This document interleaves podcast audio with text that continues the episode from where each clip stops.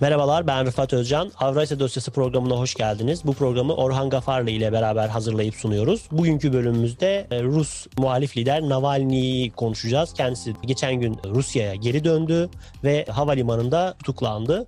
E, bu son yaşananları Orhan e, Gafarlı ile beraber konuşacağız. Hocam programa hoş geldiniz. Merhabalar, hoş bulduk tekrardan. Çok sağ olun hocam. İlk başta şeyi sormak istiyorum. Yani bu beklenen bir şey miydi Navalny'nin geri dönüşü? Neden geri döndü? Yani böyle bir süreçte bu risk almaya değer bir risk miydi? Buradan başlayalım isterseniz. Evet, e, ilk önce e, izleyicilere hatırlatayım. Biz daha önce de Navalny ile ilgili e, bir program yaptık. Yani e, neden zehir, nasıl zehirlendi, kimdir, Rusya'da önemi nedir? Şimdi de aslında bu programın bir devamı olacak. Çünkü bu süreç devam ediyor ve Navalny Rusya'ya döndü, Moskova'ya döndü. Kendisini ifade ettiği gibi vatana döndü. Tabii yani şu an dövmesi ne kadar doğruydu üzerine Rus basında da, e, kamuoyunda da, uzmanlar içerisinde de tartışma vardır. Bir sonuç elde edebildi mi dönmekte? Tabii ki bu da burası da önemli. Çünkü Ekim'de e, Rusya'da seçimler var ve bu e, e, seçimlere bir muhalefetin hazırlanması gerekiyor. Navalny zehirlendikten sonra bayağı hem dünyada da daha da çok tanınır oldu, popüler oldu ve Rusya'da da daha çok popüler oldu. Yani tanımayanlar da e, tanımış oldular. Aslında çok uzun bir e, faaliyeti var yani 2011'den itibaren aktif olarak politikanın içerisindedir. Yani ufak tüfek olarak yani ilk dönemler bir blogger olarak Rusya'da Kremlin içerisindeki grupların yolsuzluklarını, hırsızlıklarını ortaya çıkaran bir insan olarak popülerleşti. Daha sonra ise siyasi bir figüre dönüştü. Şimdi bir Biden dönemine giriyoruz biz. Aynı zamanda Almanya'da da bir değişim söz konusudur. Orada da e, başbakan, e, bir sonraki başbakanın Hristiyan Demokrat Partisi'nden kim olduğunu artık öğrenmiş olduk. Yani ilginç bir döneme giriyoruz. Bu dönemde daha da önemlisi olan bir şey bugünlerde e, Dimitri Medvedev'in Amerika'ya yazdığı bir Amerika ile ilgili yazdığı bir makale yani Rus-Amerika ilişkilerle ilgili yazdığı bir makale. Aslında Amerika'ya e, metin altı kodlarla bir çağrısı var. Çağrısı şuydu. Biz Kremlin içerisindeki sistem içi liberaller yani bunu Rusya'da muhalefet sözde liberalde adlandırıyor. Biz tekrardan Kremlin'de pozisyonumuzu güçlendirerek e, Rus-Amerikan ilişkilerini iyileştirmeye hazır. Ve hatta bu iktidarın dönüşümünü, değişimini zamanla sağlayacağız. Yani bunun birkaç sinyalini verdiler ve özellikle Medvedev kendi döneminde 2008-2012 yıllarında başkan başkan olduğu dönemde Amerikan-Rus ilişkilerinde restart'a vurgu yaptı. Restart 1-0 ve 2, e, restart 2'ye başlayabiliriz e, vurgusu yaptı ve hatta şunu da not etti. Yani Amerikan-Rus ilişkilerinde 1990'dan sonra hatta Sovyetler Birliği'ni dahil edersek yani restart dönemi en iyi ilişkilerin olduğu dönemlerdi. Fakat e, işte bu Gürcistan Savaşı sonrası ve Gürcistan Savaşı'ndan 2012'ye giden süreçte e, ne kadar zor bir dönem olsa da e, bu ilişkileri biz koruyabildik ve yeniden bunu bu ilişkilerle inşa edebiliriz. E, bize baskı yapmayın. Siz bize baskı yaptıkça Rusya kendisine kapanıp daha da çok savunmacı olacak ve bu savunmacılığıyla daha da batıdan uzaklaşacak, batı değerlerden uzaklaşmış olacak. Böyle bir mesajlar verdi. Navalny de politikada sözde liberalleri hiç sevmeyen birisi ya da sözde batıcı olarak ifade ettiği insanları e, sevmediği biri. Hatta son Cumhurbaşkanlık seçimlerinde de kendisine aday olarak ilan etti ve e, kaydını almadılar. Hakkında dava olduğu için gerekçe gösterdiler ve yerine de kadın bir aday gösterdiler. Liberal çevrelerde tanınan eski e, Putin'de yakın olan arkadaşının kızı e, eski mer vefat etmiş. Yani sözde liberallerle bir kavgası var. Bence Navalny şunu fark etti şu an harekete geçmezsen Rusya'daki sözde liberallerle Biden arasında veya Almanya yönetimi, yeni yönetimi gelecek yeni yönetimle ilgili bir görüşmeler başlayacak. Ve bu görüşmeler başlarsa bu sözde liberaller, sözde batıcılar Putin rejimini daha yumuşak şekilde devam ettirecekler. Ben bunu dikkat alarak Navalny bilinçli olarak harekete geçti ve Rusya'ya döneceğini açıkladı ve döndü. Dönerek bir kere kendisinin zehirlenmesini e, dünya gündemde tekrar tekrardan tuttu. İkincisi hapsedilmesi ve o yaşanan şovu, tiyatroyu gösterdi. Yani inanamazsınız yani. Polis şubesinde, polis e, idaresinde yani şey yapılıyor yani mahkeme yapıldı. Yani bütün hakimler falan oraya geldi, savcı, hakim. E, polis idaresinde yapıldı bu. Mahkeme binasına gidilmedi yani. Yani ne kadar büyük bir e, adil yargılama sorunu olduğunu göstermiş oldu. Yani 30 gün hapis kararı verildi kendisi hakkında. Bu 2013'te onun hakkında açılmış dava ile ilgilidir. Onu ve kardeşi İvroşe şirketinde para akladıklarıyla ilgili.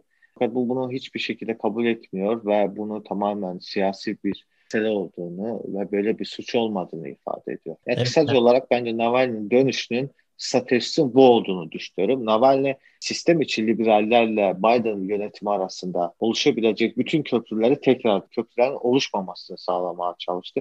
Hatta o köprüleri daha da yakmaya çalıştı. Çünkü bu şekilde devam ederse Rusya'da bir değişim elde edilmeyecek. Yani Navalny'nin tezi budur. Anladım hocam. Zaten ulusal güvenlik e, masasına atadığı Biden'ın isim sanırım oydu. O, sert bir tepki de e, gösterdi Navalny'nin tutuklanmasına. E, ne, evet, Sullivan.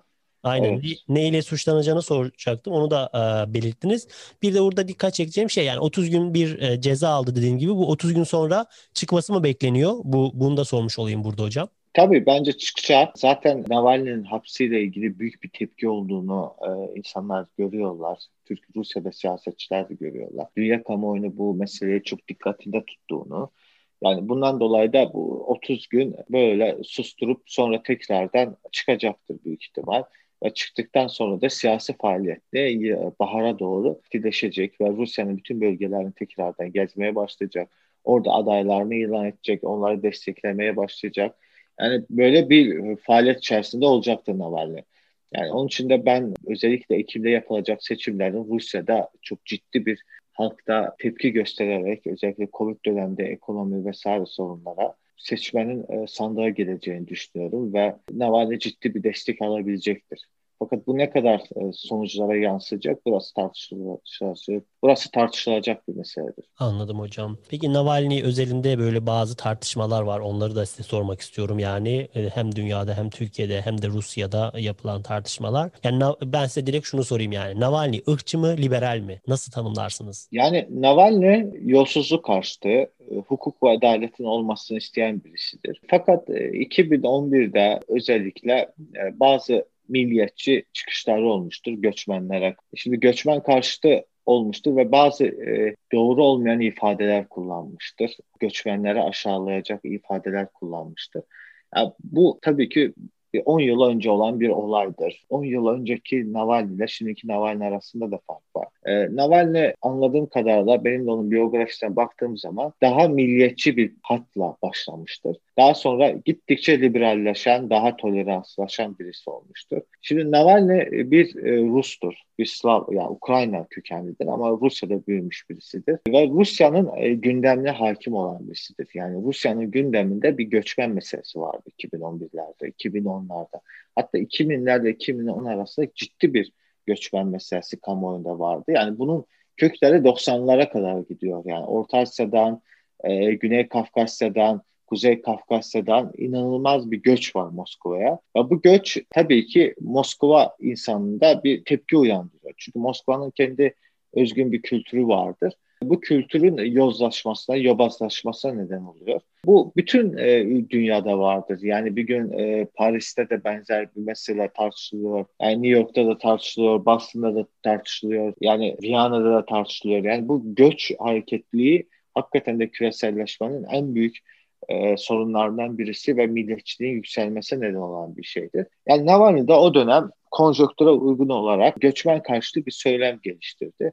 Tabii bunu yaparken e, mesela en son e, Müslüman camiada, Rusya'daki Müslüman camiada da bunun üzerine tartışma oldu. Özellikle Navalny dönüşünü ilan edince orada bir grup Müslüman, e, Müslümanlar e, Kuzey Kafkasya'da, Tataristan'da vesaire işte Navalny üzerine tartışmaya başladılar ki Navalny Müslüman karşıtır veya Navalny ırkçıdır, göçmen karşıtır. Navalny şunu diyor, bu göçmenler geliyorlarsa belli bir sayıyla gelmesi yani de, yani şey e, Moskova'nın ihtiyacı olduğu kadar gelmelerine izin verilmesi lazım işçi olarak geliyorlarsa. Rusça bilmeleri lazım. Yani Rusça veya Rusça eğitim almaları lazım. Yani Türkiye benzeriyle tanışmıştır aslında Almanya. Alman Türkiye'de Almanya göç yıllarında. Yani bunlar gelirken de ve bu göç politikası düzenli e, bir sistemli bir politika olması lazım. Ve gelen insanlar da Moskova'nın kültürüne entegre olması için gerekli sosyal programların yapılması lazım. Tabii bunun bunun için öncelikli olarak Mesela bazı yerlerde sert söylemleri vardı. Vize rejimine geçelim diyor biz. Orta Asya ile Kafkasya ile yani Doğu Avrupa ile göç rejimine geçelim. E, vize rejimine geçelim ve bu göçü tenzim edelim yani düzenleyelim göçü. Yani çünkü şu an Rusya'ya ben bir Azerbaycanlı bir Gürcistan yani Gürcistan değil de Azerbaycanlı, Kırgız, Orta Asya falan rahat gidip 3 ay oturup e, oturabiliyor Rusya'da. Ve oturduğu zaman da şey yapıyor. Nasıl söylesem bir çalışmaya başlıyor, çalışıyor falan. Gayri legal olarak çalışıyor. Ciddi vergiden yayılma var. Mesela Uber olsun, ya Uber faaliyeti olsun, Yandex olsun bir sürü göç var Bunlar hepsi bu sektöre, hizmet sektörüne entegre olmuşlar. Ve bu hizmet sektöründe de Moskova'nın kalitesi düşüyor yani hizmet. Çünkü dil bilmeyen bir insanla denk geliyorsun. Yani istediğini anlatamıyorsun. Da böyle bir açıklamaları var. Ben bunun ne kadar doğru veya yanlış olduğunu üzerine tartışmak istemiyorum. Fakat şunu söylemek istiyorum. Bu adam ırkçıdır demek doğru değildir. Bu popülist bir politikacıdır Navalny. Ben bunun üzerine zaten yazı da yazdım. Popülizm sayende birikimi. E, Navalny ve Putin versus Putin. Yani bunu ikisi yani bu bir Putin yıllarının Putin iktidarının bir sonucudur Navalny. Yani Putin döneminde eğer siyasi partiler destek verilseydi, siyasi partilerin faaliyeti mümkün olsaydı, sistem ve sistem dışı bir parti anlayışı olmasaydı bir gün Navalny gibi popülist bir lider çıkmazdı. Ama Navalny bir batıcıdır, bir yolsuzluk karşıtıdır. Neo-imperialist politikalardan vazgeçilmesini savunan birisidir yani Avrupa ile Batı ile eşit bir ilişki kurulmasını istiyor. Ülkenin sınırlarının kapatılması, ekonominin toparlanması gerektiğini, göç politikalarının düzenlenmesi gerektiğini savunan politikacı. Yani Rusya'da Müslümanlar da bunu bilenler var. Hatta kendi içlerinde bu tartışma vardı. Aslında Navalny dediği budur. Mesela bir yerde şey diyorlar, Navalny Moskova'da cami yapımına karşıdır. Yani Navalny şunu diyor yani cami yapmayalım bu kadar gerek yok. Yerine mesela diyelim başka şeyler yapalım. Ya benzer şekilde Kafkasya'daki Müslümanlar ne kadar kilise yapımını onaylarlar Kafkasya'da, Kuzey Kafkasya'da. Yani bu da önemli bir meseledir. Yani orada da istek yoktur, burada da istek yoktur. Bu kadar camiye gerek yok diyor mesela örnek olarak. Bu kadar cami yapımı, yeteri kadar cami vardır Moskova'da.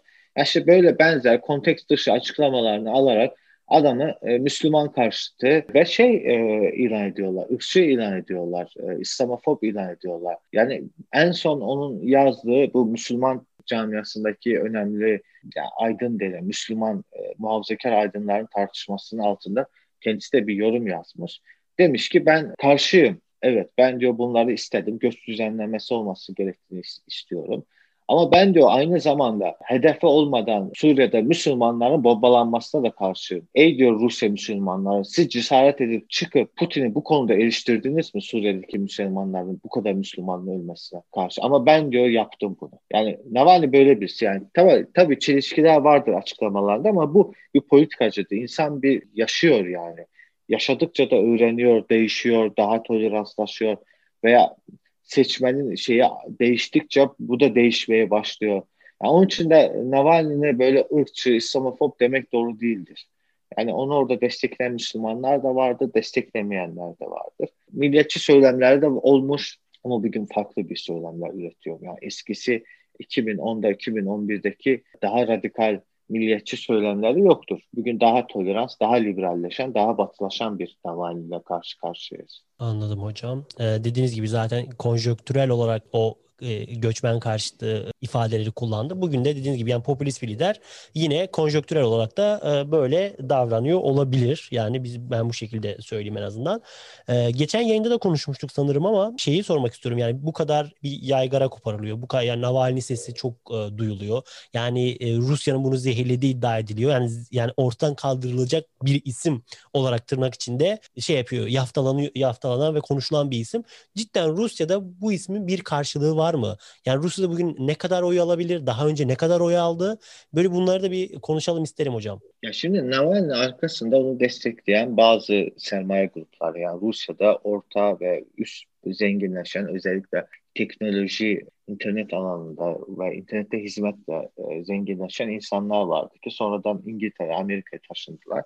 Bunlar özellikle Navalny'i destekliyorlar. Böyle bir sermaye grupu var sempati duyanlar da var. Çünkü ciddi şekilde yolsuzluk e, rüşvete karşı, hırsızlığa karşı mücadele ediyor. Ve Rusya'da e, elitlerin yaptığı hırsızlıkları gösteriyor. Yani örnek vereyim Medvedev liberal bir insan olarak Kremlin içerisinde bilinir, iktidarın içerisinde. Ama Medvedev'in hırsızlığını Navalny dronlarıyla e, bütün o yazlıkların içerisinde yaptığı görüntü çekimlerle hepsini üze çıkarttı.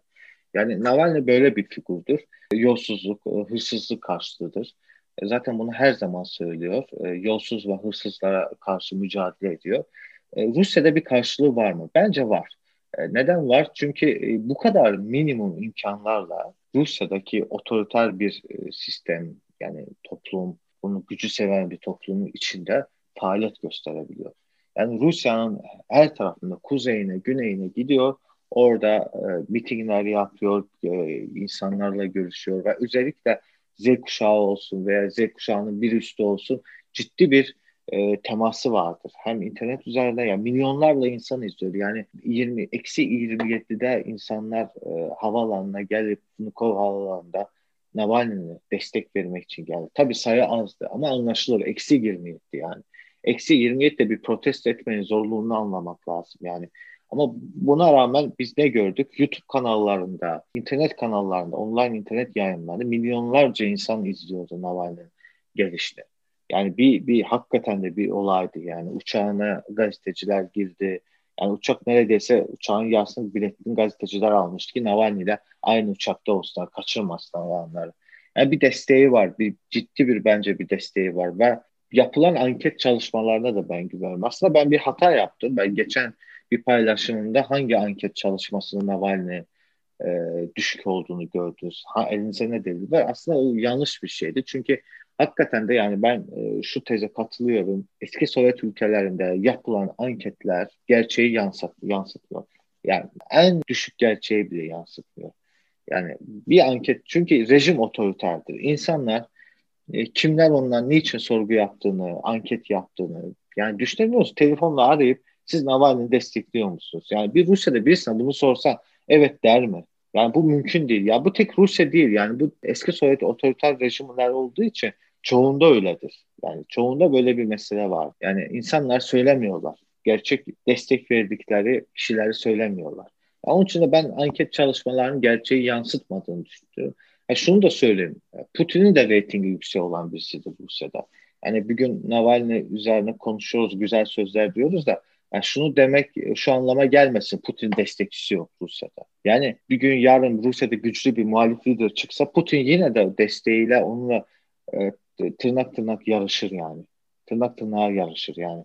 Putin ciddi bir desteği, kamuoyuna desteği olan birisidir. Bazı milliyetçi insanların, e, büyük Rusya hayali olan insanların, bununla gurur duyan insanların, bir gurur meselesi, bir kimlik meselesi edenler için de Putin'in e, güçlü bir Rusya'yı tekrardan kurdu Rus Rus topraklarını tekrardan toparlıyor diye bir desteği vardır arkasında. Yani onun için de yani bu şekilde bakmak lazım. Tabii ki ilk önce adil seçimlerin yapılması, eşit koşullarda mücadele etme fırsatı sunulması lazım.